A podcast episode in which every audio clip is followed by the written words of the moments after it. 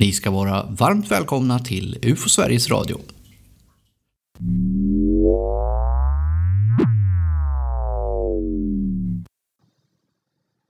Idag ska vi ta er med till en tid för länge sedan. Dock inte så länge så att den är historisk. I den bemärkelsen att det är säkert många av er ute som lyssnar som faktiskt fanns när händelsen inträffade. Ett kallt krig rasar och Sverige befinner sig mitt emellan Sovjetunionen och USA och deras ideologiska övertygelser. 1946 tar Winston Churchill den gamla teatertermen och ger den en ny innebörd. Från Stettin i Östersjön till Trieste i Adriatiska havet har en järnridå sänkts över kontinenten. Så sa Churchill. För oss i Sverige utspelar sig händelsen på den andra sidan där tillvaron oftast är väsensskild från den vi är vana vid.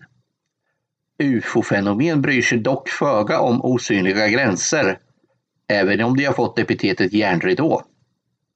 De polariserade ståndpunkterna kanaliserades ofta av de två ideologiernas försvarsallianser.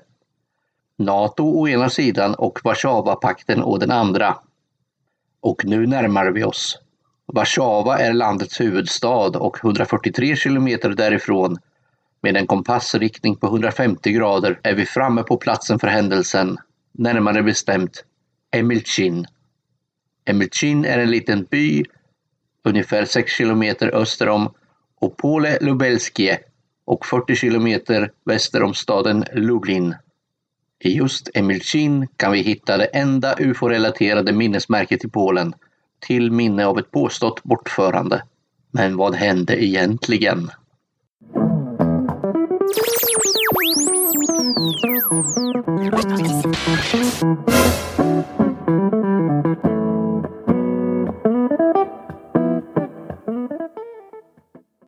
Jag heter Tobias Lindgren och den röst som ni ska få höra ännu lite mer av idag tillhör ingen mindre än Anders Berglund.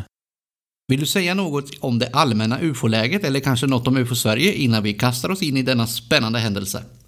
Uh, UFO Sverige, ja, vi befinner oss fortfarande i det här coronaläget i och med att vi inte träffas fysiskt så ofta. Ja, det, det är ju tråkigt, måste jag hålla med om. Ja, det är jättetråkigt. Vi har ju desto mer kontakt på dator nu för tiden. Det går ju att sitta hemma och zooma och chatta. Men det ändå blir inte riktigt samma sak. Nej, det blir det inte. Vi planerar väl ju för Sverige att köra lite mer, kanske föredrag och möten på nätet nu här under hösten och vintern. Och så får vi se till våren hur läget är då och planera inför möten och jubileum och kurser och sånt som vi skulle ha haft, men som vi har fått skjuta på. Den framtid som vi hoppas blir så normal som möjligt. Jajamän. Eh, Det trillade ner en liten tidskrift här hos mig med titeln Spökflygarnas dagordning författad av en viss Anders Berglund. Kan du säga några ord om den eller är det lika hemligt som spökflygarna själva? Nej, det är en uppsats som jag har gjort inom ramen för mina historiska studier. Jag håller på att studera historia på universitetsnivå och då har jag skrivit en uppsats om spökflygarna. Det är spännande. Ja, och eh, det är väl meningen att den kommer att finnas tillgänglig på UFO Sveriges hemsida senare i höst. I nuläget är den lite svårläst. Den kanske ska redigeras lite eller? Jajamän, vi ska fixa till den och sätta dit några bilder och sånt där. Och sen hoppas jag få tillfälle att presentera den här uppsatsen lite närmare i ett framtida poddavsnitt. Intressant. Något annat du vill tillägga innan vi eh, drar iväg till 1978? Nej, Men det är så verkligen att du har grävt ner dig lite extra i det här fallet från Polen. Var tycker du att det är lämpligt att börja? det bästa vore väl om vi placerar oss eh, på kartan i Polen. Inledningen var ju lite kryptisk där med att det var 150 grader och 143 kilometer från Warszawa. Ja, Det säger inte så mycket. Men var, var befinner vi oss ungefär? Då har vi ju hamnat i sydöstra Polen och vi är inte långt ifrån gränsen till Ukraina och Vitryssland, ungefär 10 mil bort. Och här ligger det en liten by på ett 70-tal hushåll som heter Emilchin. Och här i den här byn så bor bland annat en 71-årig bonde eller jordbrukare Ja, det där med jordbrukare är ju ett återkommande dilemma. De har tur, tycker jag. Det har vi tagit upp i tidigare poddar att det är ofta jordbrukare som råkar ut för sådana här grejer.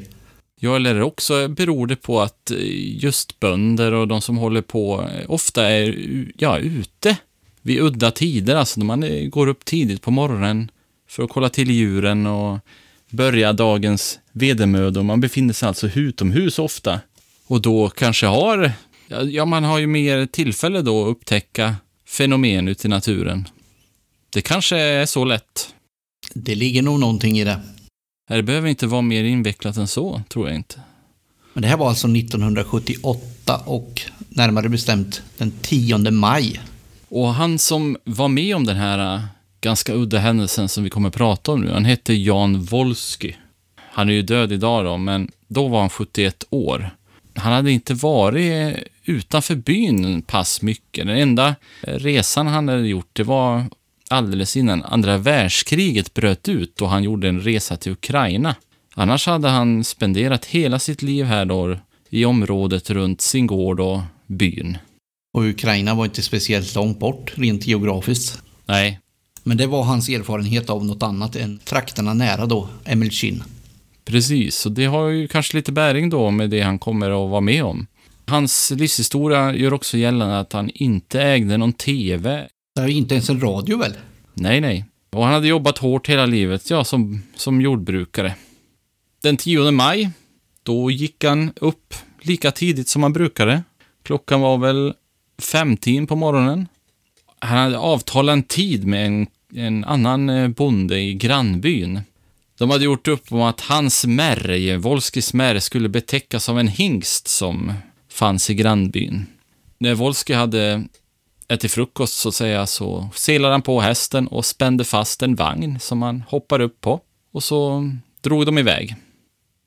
Det var när han åkte tillbaka hem som Jan var med om någonting som han inte skulle glömma resten av sitt liv. Istället för att åka den vanliga vägen som han brukade ta så passade Jan, när han var på väg hem då, att ta en mindre skogsväg som gick vid sidan om den här vanliga landsvägen. Man ska väl säga med stigen då. Det berodde väl på att han skulle vara snäll mot hästen som inte hade några direkta skor på fötterna väl också, bland annat. Ja, det var en av orsakerna. En annan orsak var att den här stigen gick över hans ägor, så han skulle, han skulle passa på att titta på, titta på ägorna så att säga. Det var, en, det var en genväg kan man väl säga också. Den här stigen gick in i ett eh, skogsområde in till byn. Det var inte så långt ifrån. Det var väl ungefär en kilometer från byn.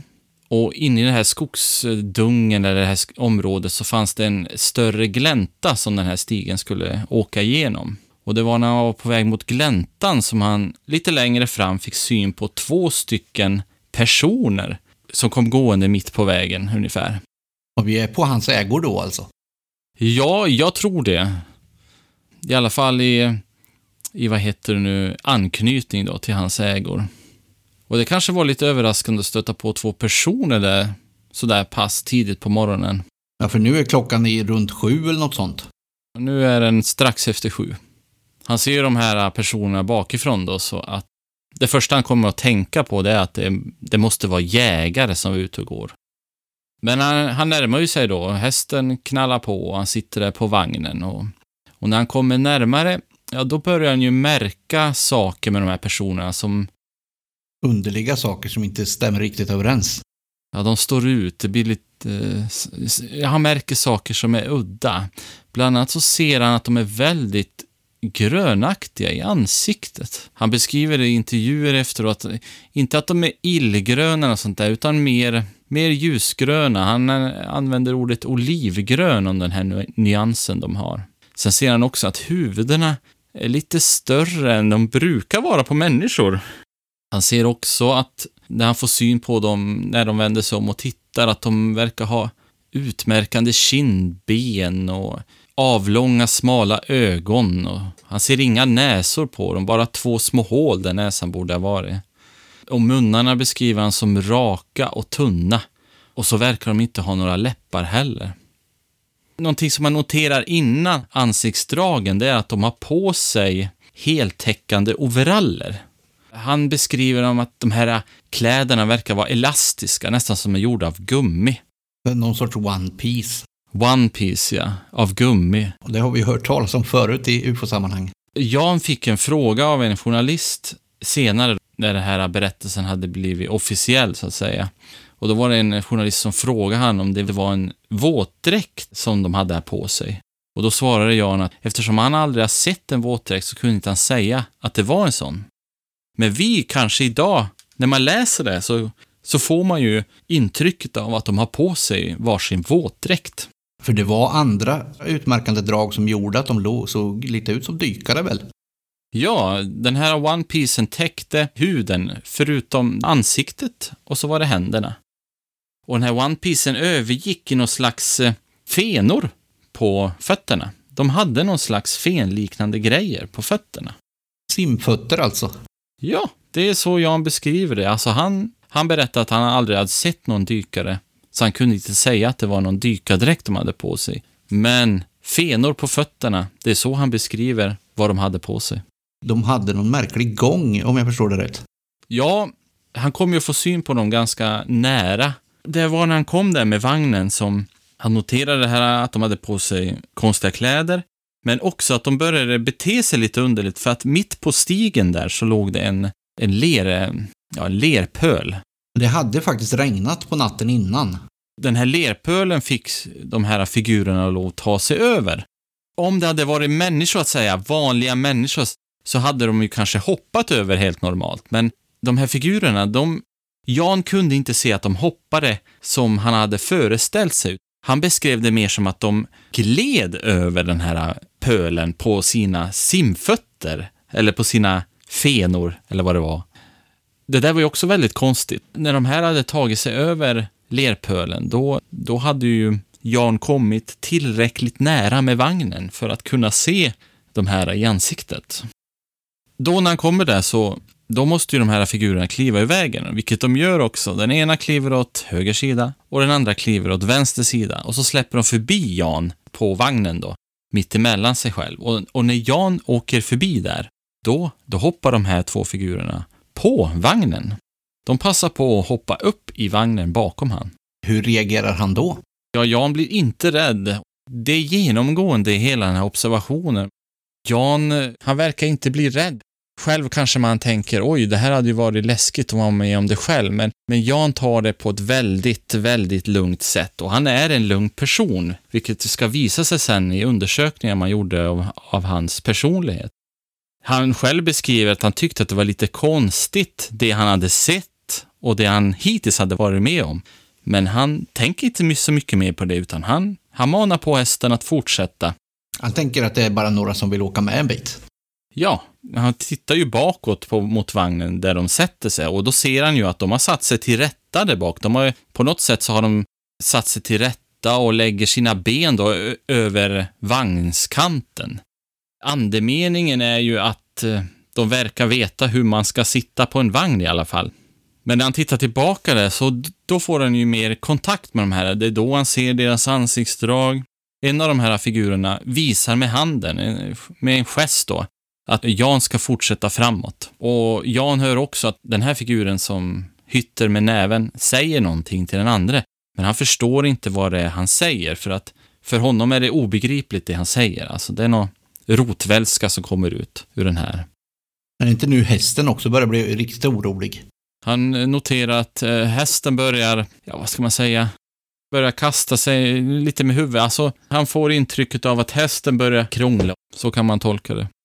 Men Jan, han fortsätter med hästen och då har de kommit nära den här gläntan och rullar in i den då. Nu ser han på andra sidan gläntan mot skogsbrynet så ser han ytterligare en väldigt konstig sak. Ett föremål som tycks sväva där borta mot skogskanten, uppe i luften, stå still och sväva. Ska vi säga någonting om vädret när det här händer? Det är molnigt kan man säga med lite små gluggar. Ja. Men det är inte varmt. Någon temperaturuppgift säger 6-7 grader. Nej, precis. Det är ju inte varmt kan man inte säga. Nej, det är, en, det är ju en kylig vårdag det handlar om. Det har varit mer eller mindre lite dimma sådär på morgonen efter regnet då, men nu kan man nog se 6-7 kilometer i alla fall. Ja. Om det nu säger något. Och Jan har ju på sig, han har på sig tre lager med kläder för att det är kyligt. Han har en eh, jacka och på jackan då har han en rock. Och så har han en eh, keps av något slag på huvudet. Men som sagt, eh, han noterar ett egendomligt föremål på andra sidan gläntan. Ett vitt objekt som tycks hänga i luften. Han beskriver det som att den är eh, fem meter lång och tre meter bred och tre meter hög. Den initiala tanken är väl att den är genomskinlig på något sätt och att den ser ut som ett hus också. Ja, troligtvis så är det taket på det här föremålet som gör att han uppfattar det som ett slags hus, för det ser ut som taket på en lada. Det är avrundat. Men de är fortfarande i rörelse när han ser det första gången. Hästen fortsätter ju framåt och stigen går rätt genom gläntan och fortsätter stigen och in till där det här föremålet befinner sig. Så att de är ju på väg rätt emot det. När han kommer närmare så ser han att det är en hel del detaljer på det här föremålet som är väldigt, väldigt udda. Eh, han beskriver det här föremålet senare som en slags liten buss. Men det finns som sagt detaljer på det här som skiljer det från mycket andra UFO-observationer. Alltså det här är en väldigt unik farkost eller föremål som, som man ser. Om vi säger att det är ja, som ser ut som en liten buss med avrundat tak, en liten fyrkant så att säga, så finns det i varje hörn en slags eh, tunnliknande sak som sitter fast i hörnen på något sätt. Ja, som en tub. Ja. Som sitter på, på kanterna eller på hörnen. Ja. En tub mitt i vinkeln alltså. Ja, en ihålig tub som sitter fast mot varje hörn. Och i den här tuben så finns det en en slags eh, metallstav som ser ut som en korkskruv. Ja, den är väldigt eh, snurrad på något sätt. Ja. Lite polkagris-snurrad. Ja, som... Ja, korkskruv är väl en bra beskrivning. Korkskruv, ja, som, som så att säga sitter i de här tunnorna alltså och, och snurrar. Alltså det sticker upp en liten bit på ovansidan och ner en liten bit på andra sidan. Ja. Undersidan. Ja, så kan man säga. Och samtidigt hör också Jan ett hummande ljud från den här saken. Och han beskriver det som att han hör en bisvärm. Det genereras från de här, eller från föremålet. Ja, det är hans uppfattning. Men nu när han kommer närmare så ser han väl att det här att det inte är genomskinligt som man först trodde, utan nu är det mera metalliskt. Ja. När jag försöker föreställa mig det tänker jag mig på en sån här aluminiumfärgad buss som man ofta såg förr i tiden i Amerika bland annat. Ja, det är den bilden jag också får. En greyhoundbuss ungefär. En liten kompakt greyhoundbuss utan fönster. Ja, rent metallfärgad. Ja. Den här hänger då 5-6 meter upp i luften. Ja, den står still, svävar eller hänger i luften. Någonstans har han beskrivit att den vobb, eller den gungar lite sakta upp och ner. Ja. Den är inte helt statisk. Nej, ja, den håller ju sig där under hela observationen, där över marken. Den sitter inte fast i någonting utan den är helt fristående. Ja. Men ändå väldigt nära. Det är ju det är någon björkdunge precis bakom så den är, det är mindre än en meter till, till träden. Det är så pass nära och han ser ju träden bakom. Ja, de sticker ju upp. De högsta träden sticker upp bakom. Och de är väl nästan kanske 11-12 meter höga. Så då kan man ju räkna ut hur hög den här apparaten är. Den är inte så stor. Nej, inte egentligen. Han har ju fått en bra insyn i de här figurerna som sitter bakom. Och de beskriver han ju som att de är 1,40 ungefär. 1,40-1,50 långa. Inte jättestora. Nej. Men har han vid det här läget dragit någon parallell mellan figurerna och det här konstiga föremålet? Det vet man inte än. Nej, det vet man inte. Men det som sker nu, det är att de här figurerna som sitter ute på vagnen, han noterar att den här som instruerade honom att fortsätta framåt med, med handen, den figuren viftar nu med handen och signalerar ett stopp. Jan uppfattar det som, oj, nu, nu ska jag stanna. Och det gör han också. Jag har hittat flera beskrivningar av just det som sker nu då. I en beskrivning nämns det att en av den här figuren själv tar tag i tömmen till hästen. För att hästen blir, börjar att dra på extra mycket och vill de att den ska stanna. Ja, och hästen är, visar tydliga tecken nu på att hästen vill inte stanna utan den vill fortsätta. Men tills de kommer till ett stopp. De kommer till ett stopp. Antingen att den här figuren själv stramar åt med tömmen eller att Jan får, får stopp på hästen. Och när de stannar, ja då hoppar de här figurerna ner från vagnen. Jan följer efter för att de gestikulerar åt han med, med sina händer då. Kom, kom och viftar. Och när Wolski går ner, då ska en av de här figurerna också ha hjälpt han ner från vagnen. Han ska ha fått hjälp då, Jan, och få gått ner. Och han nämner också i intervju att då, då, tog han ju på den ena figurens arm och enligt hans beskrivning så kände han att den här var stark i armarna. Ja, antagligen så menar ju han att han kände att det fanns lite muskler där. Men de såg inte speciellt muskulösa ut. Nej, de var tunna. Det är så han beskriver benen och, och kroppen. Tunna med, med stort huvud. Det var väl också där han kände att den här som han nuddade kändes väldigt kall. Om det nu sen berodde på temperaturen ute eller på själva figuren i sig, det förtäljer väl inte historien. Nej, tyvärr. Men vi ska väl nämna också att det ser ut som de hade en puckel bak på ryggen. Den beskriver han. Det såg ut... Ja, på, på nacken eller på överryggen eller var någonstans. Ja. Under den här one-piecen har de en udda utväxt. Precis, det ser ut som någon har rullat ihop någonting och så stuckit under, under den här one-piecen på nacken. Så det ser ut som en liten puckelrygg. Det är naturligtvis omöjligt för honom att i det här läget veta vad det är för någonting, men det ser väldigt konstigt ut. Det gör det. Nu vet jag inte hur mycket han reflekterar över vad som skedde, men hittills har ju händelseförloppet, alltså det har ju rullat på ganska fort. Det är inte så att det är utdraget, utan det har inte gått många minuter sedan det initiala skedet. Nej, det rullar på så att säga. Han har väl kanske inte hunnit tänkt egentligen så mycket vad det är han är med om just nu då. Men plötsligt så befinner han sig där, mellan de här figurerna, på väg mot det här föremålet som verkar sväva i luften. Nu måste han ju ha förstått att det finns ett samband. De här figurerna leder ju fram honom till en plattform som finns nedanför föremålet. En plattform som är fast, som ser ut att vara fastspänt av fyra kablar. Den här figuren som har gestikulerat åt Jan, han gör, han gör det återigen, inbjuder Jan att kliva ombord på den här äh, plattformen. Vilket Jan gör tillsammans med den ene eh, figuren den här plattformen sitter ju fast med fyra kablar och Jan tar tag i, med sina händer, varsin kabel då. Och när han gör det, då åker den här äh, plattformen uppåt. Det är som en slags hiss. Och den här hissen, den hissar upp Jan och den ena figuren. Den andra figuren stannar kvar på marken. Han beskriver det som att det går väldigt fort, alltså raskt upp. När den här plattformen stannar, då befinner han sig mitt emot det här föremålet då, och då ser han en öppning den enda öppningen som överhuvudtaget syns på hela föremålet.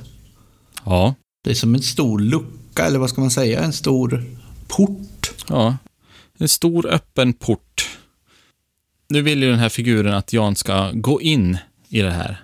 Figuren indikerar det till och med att han lägger handen på Jan och puttar till honom lite. Alltså han... Hjälper honom i rätt riktning. Ja, precis. Han visar vad det är han vill genom att stöta fram honom lite där.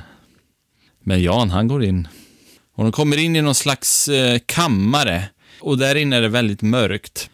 Men de är inte ensamma. Det finns två till personer där inne, eller figurer, som är exakt likadana som de han har träffat där ute då. Om vi ska beskriva hur det ser ut där inne. Det är väldigt spartanskt där inne i föremålet.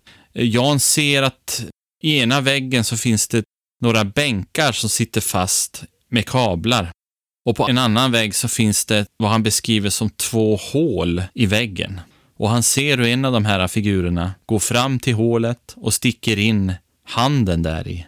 Och då ser han ett, vad han beskriver som stavliknande objekt som den här figuren vrider runt. Det är nästan som om de vrider runt en nyckel. Men han hör inga ljud där inne. Det enda han hör där inne, det är ljudet som han hörde utanför, fast lite svagare. Han, han noterar en sak på golvet inne i det här rummet, som är väldigt konstigt. På golvet så ser han svarta fåglar som ligger. Eh, ett tiotal svarta fåglar som verkar vara paralyserade. Men han ser att de lever, han ser att hur de här fåglarna rör på huvudet och ögonen. Han, han tycker att de verkar se ut som kråkor eller råkor. Det som händer sen, det är att en av de här figurerna som redan befinner sig inne i rummet tar fram någon slags, eh, som Jan uppfattar är någon slags isglass. Han beskriver det så i alla fall. Figuren håller upp någonting mot munnen och verkar tugga på det.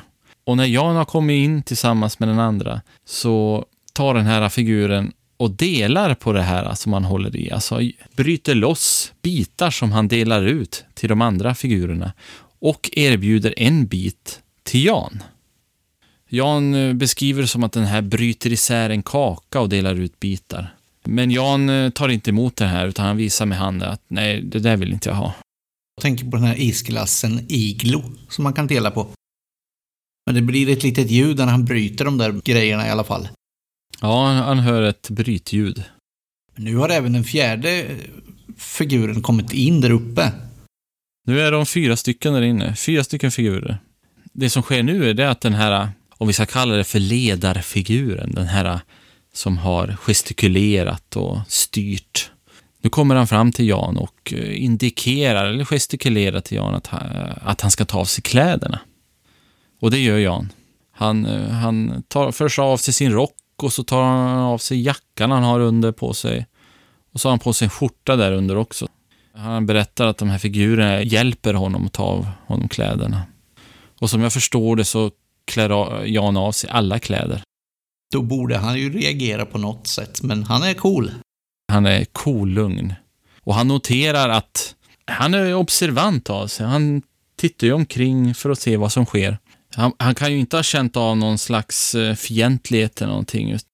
Och nu noterar han att en av de här figurerna ställer sig framför honom.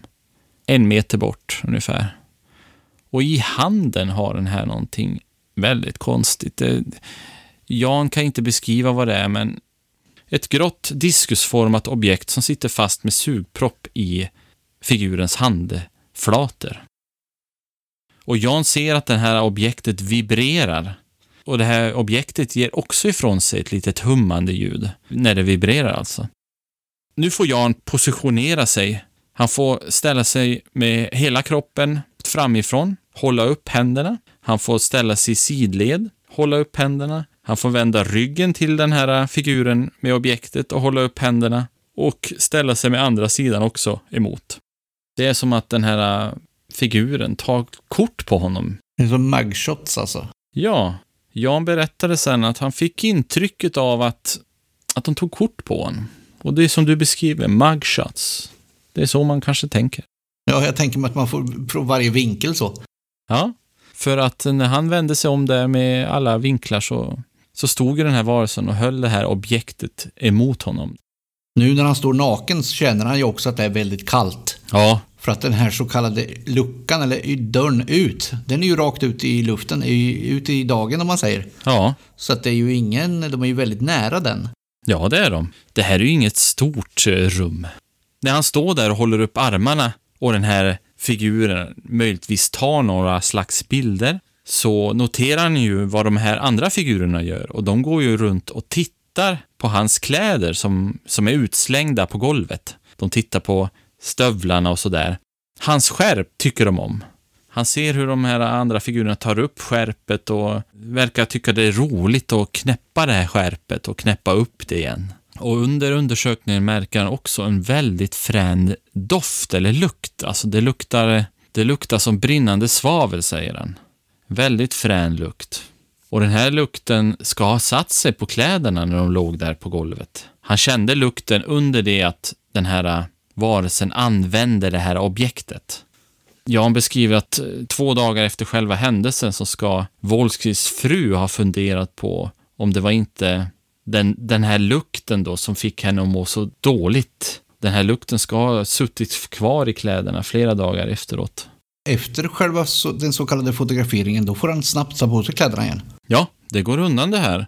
Figurerna gestikulerar till, till Jan och sätter på sig kläderna igen när han har fått på sig skorna och rocken, då han bedömer det som att det gått ungefär 10-12 minuter har det gått sedan han först såg de här personerna. Så det har gått undan.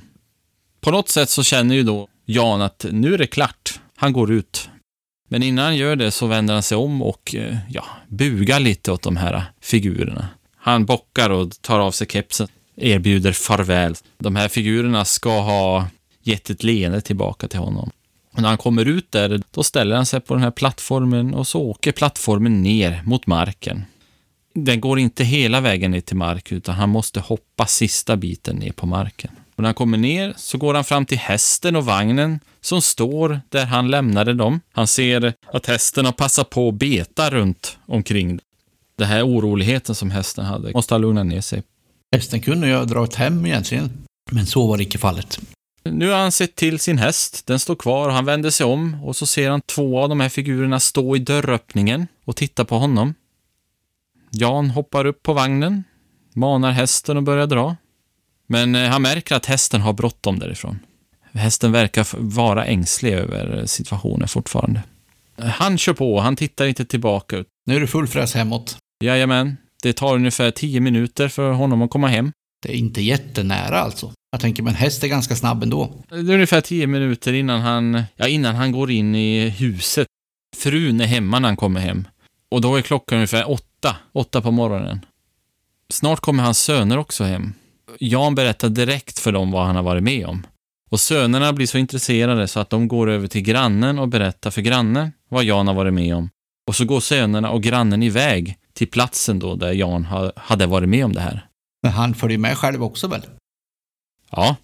Allihop springer dit. De skyndar sig dit för att se helt enkelt om det här föremålet är kvar, om figurerna är kvar. Men det är de inte. När de kommer fram så är de borta, både föremålet och figurerna. Men de går runt och undersöker platsen och de hittar fotavtryck i gräset. De hittar avtryck i lerpölen, eller runt lerpölen där, på fyra ställen. Fotavtrycken är, eh, beskrivs som rektangulära, så det är inget sådär direkt människoliknande fotavtryck, det är det inte. Utan det är eh, ett udda fotavtryck. Man hittar även märken i jorden, då man beskriver det som om det är någon som har tagit prover. Man hittar också uppryckt gräs och knäckta grenar som man, från träden. Och så hittar man även i gläntan svarta fjädrar. Och det kanske är från de där fåglarna då som Jan såg på golvet inne i föremålet. Vad kan man säga mer om den här händelserika dagen för Jan då? Jo, det måste ha tagit lite på krafterna för att Jans fru berättade sen att den dagen efter det hade hänt då, då gick Jan och la sig. Då ska han ha vilat flera timmar under dagen. Jag får intrycket av att det var någonting som han inte brukade göra, att han vilade så pass länge under dagen. Så man kan ju antaga att han har varit med om. Tog lite på krafterna, ja. Ja, så kan man säga. Det här är ju ett uh, väldigt intressant ufo-observation eller upplevelse tycker jag. Framförallt för att det finns en ganska omfattande undersökning av observatören som man inte hittar i, i andra ufo-undersökningar. Det var väldigt många personer som varit på det här fallet flera gånger om. Ja, observationen är också intressant för att det finns, eh, det finns flera vittnen som har sett föremålet faktiskt. Två barn i en familj som bodde ungefär 800 meter från platsen. Och det är en av de husen då som tillhör den här byn då. På morgonen den 10 maj så ska barnen i huset, en fyraåring och en sexåring, ha varit ute och lekt då på gården. Sexåringen hette Adas Popiolek. Hans syster hette Agnieszka. Adas morsa, hon var inte ute utan var inne i köket, kanske höll på med frukosten. Och när hon står och lagar mat där, då hör hon ett högt oväsen, alltså ett ljud som hon eh, skulle beskriva som ett enormt åskmuller.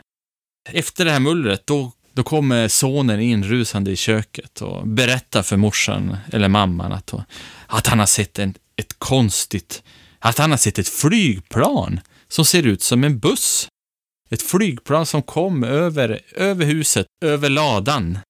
Och den här pojken beskriver hur den här bussen kommer över ladan och så åker den ner mot marken, men sen drar den iväg rätt upp mot himlen. Och pojken berättar att det är när föremålet far upp mot himlen som det här åskljudet låter. Det låter alltså från det. Då är det någon typ av motorljud skulle man kunna föreställa sig. Det är väl så man föreställer sig det. Men, men beskriver han det här likadant som Jan har gjort? Det han beskriver som ett flygplan som liknar en buss. Och han ser också ett fönster på det här föremålet. Och där det sitter någon innanför det här fönstret, alltså som en slags pilot. Då måste det vara väldigt nära. Han, han säger att det kom, kom alldeles över taket på ladan framför huset eller bredvid huset. Och sen gick det ner mot marken och så drog det iväg upp mot himlen och försvann. Och det här åskmullret kunde även senare två andra personer i byn bekräfta att de hade hört vid den tidpunkten. Jan berättade direkt för sina nära och kära vad han hade varit med om. Och bara två månader efter att han hade varit med om det här då så blev han intervjuad för första gången. Det var en polsk journalist som heter Henryk Pomorski som gjorde intervjun i juli 1978. Det är ju lite roligt att läsa den intervjun egentligen, för att han inleder intervjun så här. Här står jag med Jan som har flera intressanta saker att säga för oss. Du mötte några utomjordiska varelser. Kan du berätta för oss hur det hände? Och då svarar Jan direkt alltså att han inte direkt kunde säga att de var utomjordingar, för att de liknade människor. Men de var lite mindre än vad normalt är. Hade utomjordingar varit på tal innan han kommer dit och säger om jorden? Nej, Det låter ju inte så. men det är ju intressant att journali- den första journalisten som intervjuar han direkt går in på att det ska vara utomjordingar Jan har sett. Stoppar de orden i munnen på Jan Wolski. Ja, Det är inget bra. nej, nej. Men Wolski, han, han säger ju direkt att det han har sett inte är utomjordingar. Alltså, han har ju ingen koncept för vad utomjordingar kan vara. Varför ska man Nej, vem har det? Nej, precis. Varför ska man automatiskt dra den hypotetiska förklaringen? Nej, det tycker man är nästan är tragiskt. Men vad utmynnar det hela i? Vad jag har sett så har Jan aldrig beskrivit det han sett som utomjordingar. Eller att det föremål han har sett ska ha varit någon slags utomjordiskt föremål. Utan Jan har genomgående i art- artiklar och i intervjuer beskrivit figurerna som människor, fast från ett annat land. För honom så såg de mer ut som asiater. Han menar att de liknade asiater. Det hade han erfarenhet av. Ja, det var den här resan han gjorde innan andra världskrigets utbrott när han var till grannlandet Ukraina. Och då ska han ha sett människor med asiatiskt utseende och det var det han kunde relatera till nu då, 1978. Men det framkom inte något mer kontroversiellt i den här intervjun, första. Själva händelsen är ju kontroversiell i sig. Jans eh, observation drog ju till sig väldigt stort intresse i Polen. Det som är roligt i det här fallet är att forskn- forskare också tyckte det var en intressant observation. För när det gäller Jan så finns det en, en omfattande forskningsrapport som går igenom hans observation. En undersökning som är gjord av en sociolog vid namn Dr. Blania Bollnar och en psykolog, Ryssard Kitlinski, som jobbade vid Lutz universitet. Dessa två personer gjorde en djupgående undersökning av eh, Wolskis eh, observation, eh, där man gjorde många tester. Och det var ju framförallt tester då på Jan för att se om det han hade varit med om egentligen kunde vara någon slags, eh, ja, Inre upplevelse. Precis. Och när man läser den här rapporten så är det ju väldigt många tester man har gjort. Jag kan ju dra igenom det lite snabbt här så att ni får en bild. Man gjorde dels ett eh, TAT-test, vilket är ett test när man kollar personlighetspsykologi. Ja, det är kort och gott ett personlighetstest som visar på vilka konflikter eller intressen, motiv eller bekymmer som en person har i sitt liv. Man gjorde även ett VICE-test som bedömer eh, generell kognitiv begåvning, vilket vi eh, vanligtvis kallar intelligens eller IQ-test. Och det, det testet ger indexmått på olika verbala funktioner, på perceptuell funktion, då, hur vi uppfattar vår uppfattningsförmåga, vår arbetsminne till exempel, hur snabbt vi använder det. Man gjorde ett polygraftest och det är ju en lögndetektortest. Man gjorde ett oftalmologiskt test, vilket är en synundersökning. Man testade synskärpan och brytningsfel och allt möjligt som har med ögonen att göra. Man gjorde en klinisk undersökning. Man tittade på Wolskis hela sjukdomshistoria och sjukdomstillstånd som man kanske kunde ha. Och man gjorde naturligtvis en grundlig hälsokontroll över hans allmänna hälsa. Den här äh, undersökningen det ledde fram till en 30-sidig rapport som mynnar ut i att Jan hade utmärkt hälsa, han hade inga sjukdomar, man såg inga tecken på begynnande sjukdomar. Man skriver till och med att Jan hade en exceptionellt god syn för sin ålder. Och rapporten visar också att Jan var ett mycket trovärdigt vittne. Forskarna gjorde till och med bedömningen att Jan inte kunde berätta en fiktiv berättelse, till och med en enkel berättelse. Det var helt enkelt omöjligt för Jan att ljuga. Och man skriver att vittnet är ärligt sanningsenlig, anständig person och att det, det bekräftades vid korsutredningar.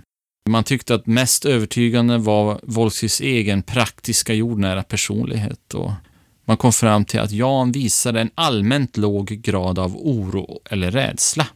Och det förklarar ju Jans kolugna beteende under hela observationen. Det är väl också som vi brukar komma fram till att det är personer som upplever sådana här händelser är förvånansvärt friska och krya och helt normala. Ja, det är en av anledningarna till vad vi som håller på med det här, ufologer, tycker att det är så intressant att hålla på med det här. Annars tror jag den allmänna bilden är att det är lustigkurrar och personer med sjukdomstillstånd som kanske berättar om sådana här saker, men så är ju inte fallet. Känner man inte till det så är det ju lätt att tänka sig det, men verkligheten är något helt annat. Vem som helst kan uh, råka få syn på ett, eller råka vara med om ett UFO. Ja, siffrorna talar sitt tydliga språk där. Verkligen. För att gå vidare, i den här rapporten då som Bollnar och Kitlinski gjorde så går man igenom och bedömer olika hypoteser utifrån ja, fakta i fallet då. Vad som möjligen kan ligga bakom vad John kan ha varit med om. Och man går igenom olika hypoteser, till exempel att det kunde vara en bluff eller en dröm, en hallucination, en religiös upplevelse. Eller att det handlar om påverkan av något slag, tvång kanske från en tredje person. Till exempel att någon har tutat i Jan det här. Man går även igenom att det kan ha handlat om en helikopterlandning eller att objektet kan ha varit någon slags experimentell flygfarkost. Och rapporten graderar de här hypoteserna i olika sannolikhetsgrader.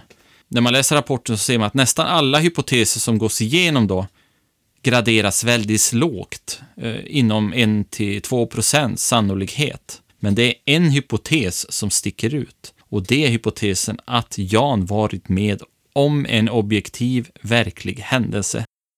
Man skriver att Wolski i ett avgörande ögonblick handlade och uttalade sin erfarenhet i enlighet med verkligheten och att han har beskrivit varelsernas beteende och händelseutveckling som en objektiv, verklig händelse. Och deras slutsats blir att Jans observation indikerar att det finns ett fenomen som är okänt för vetenskapen. Den här undersökningen de gjorde, de var inte ute på fältet och gjorde några tester och så på, på omgivningen. Jag vet inte, men... eh, Ja, att andra har gjort det vet jag ju, men inte de där två. Nej, men det, Det förtäljer inte historien kanske. nej, men de kontaktades av de som gjorde, började med utredningen alltså. Nej, för att återknyta till tidigare avsnitt om spår i verkligheten så tänker jag mig, det är uppenbart att det blev spår, för det såg de ju direkt, men jag tänkte om någon har undersökt spåren. Nej, det tror jag inte någon gjorde. Nej, att man tog någon mätning eller någonting på någon växtlighet eller så. Nej, det Det tror hade ju varit intressant. Oh ja, det förtäljer inte historien, utan sönerna var ju där och de var ju där och tittade. Nej, i det läget tänkte de nog inte på att man skulle mäta någonting. Nej, precis. Och sen hade det gått några månader i alla fall då innan det, var, det blev offentligt. Men hur kom det här ut till allmänheten, vet man det? Anmälde han det här till någon? Det vet jag inte. Ja, jag har inte heller läst det, hur det kom från början ut. Det kan ju vara intressant att veta, men det, det känner vi inte till alltså. Nej. Vi kan ju prata lite om vad som skedde sen då, efter den här observationen. I början här var det ju väldigt mycket. Han tyckte väl att det började bli jobbigt efter en stund. Jajamän. Jag tänker på efterspelet senare. Jan tyckte inte om uppmärksamheten han fick då, efter att ha gått ut offentligt med det här, efter att det har blivit känt. Eh, Han berättade senare att eh, folk kallade han för alkoholist och eh, sa att han hade drömt bara och sådär. Och det, han tog illa åt sig av det. Men det värsta tyckte han, det var alla personer som sökte upp honom hemma i byn där. Han berättade att vid ett tillfälle så hade det kommit 14 bussar med turister och eh, stannat i byn och letat upp honom och gått, eh, de gick ut där till den här gläntan där det hände. Han tyckte inte heller om att de gick omkring på hans ägor och trampade sönder grönorna. Nej, han tyckte verkligen inte om det efterspelet. För nyfikenheten från allmänheten. Han hade ju önskat att han kunde få ut någon vinning av det här. Han pratar om observationen på olika, olika ufo-möten och sånt där. Han pratar om det vid några tillfällen i alla fall. Men själv har han aldrig påstått att han hade sett några utomjordingar eller någonting. Nej, det räcker gott och väl med konstigheter i det här fallet. Även om de inte kom utifrån. Verkligen. Och då vet man inte om han, han utvecklade någon sorts intresse för det här med ufo-fenomen och så senare i livet sen. Jag tänkte eftersom man var med på lite möten och så. Eller om man bara var med som, som underhållning för de UFO, andra ufo-intresserade. Nej, precis. Det vet jag inte. Ja, han dog ju 83 år gammal 1990. Eh, vi kan ju avrunda detta avsnitt eh, med att berätta att idag så finns det ju faktiskt ett monument uppfört på platsen för där det hände. Ett ufo-monument eller ett minnesmärke. Jag tror det sattes upp 2005 av en organisation i Polen består av en, en stenstod och på den här stenstoden finns det en metallkub som sitter fast. Kuben ser ut att balansera på blocket. Och så finns det en liten plakett där, där det kort står då vad som skedde på den där platsen den 10 maj 1978.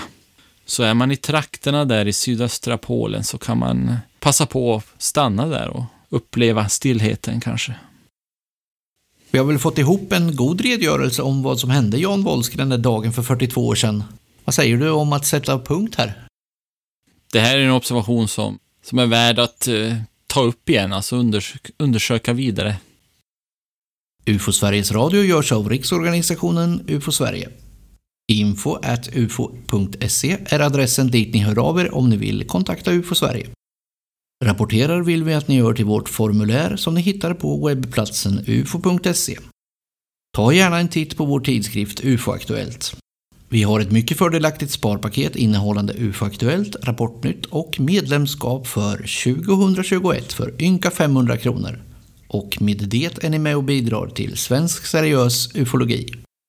Om ni gillar det vi gör så är det bästa ni kan göra att fortsätta lyssna på UFO Sveriges Radio och rekommendera den till andra som kanske är nyfikna på vad UFO och UFO Sverige kan vara.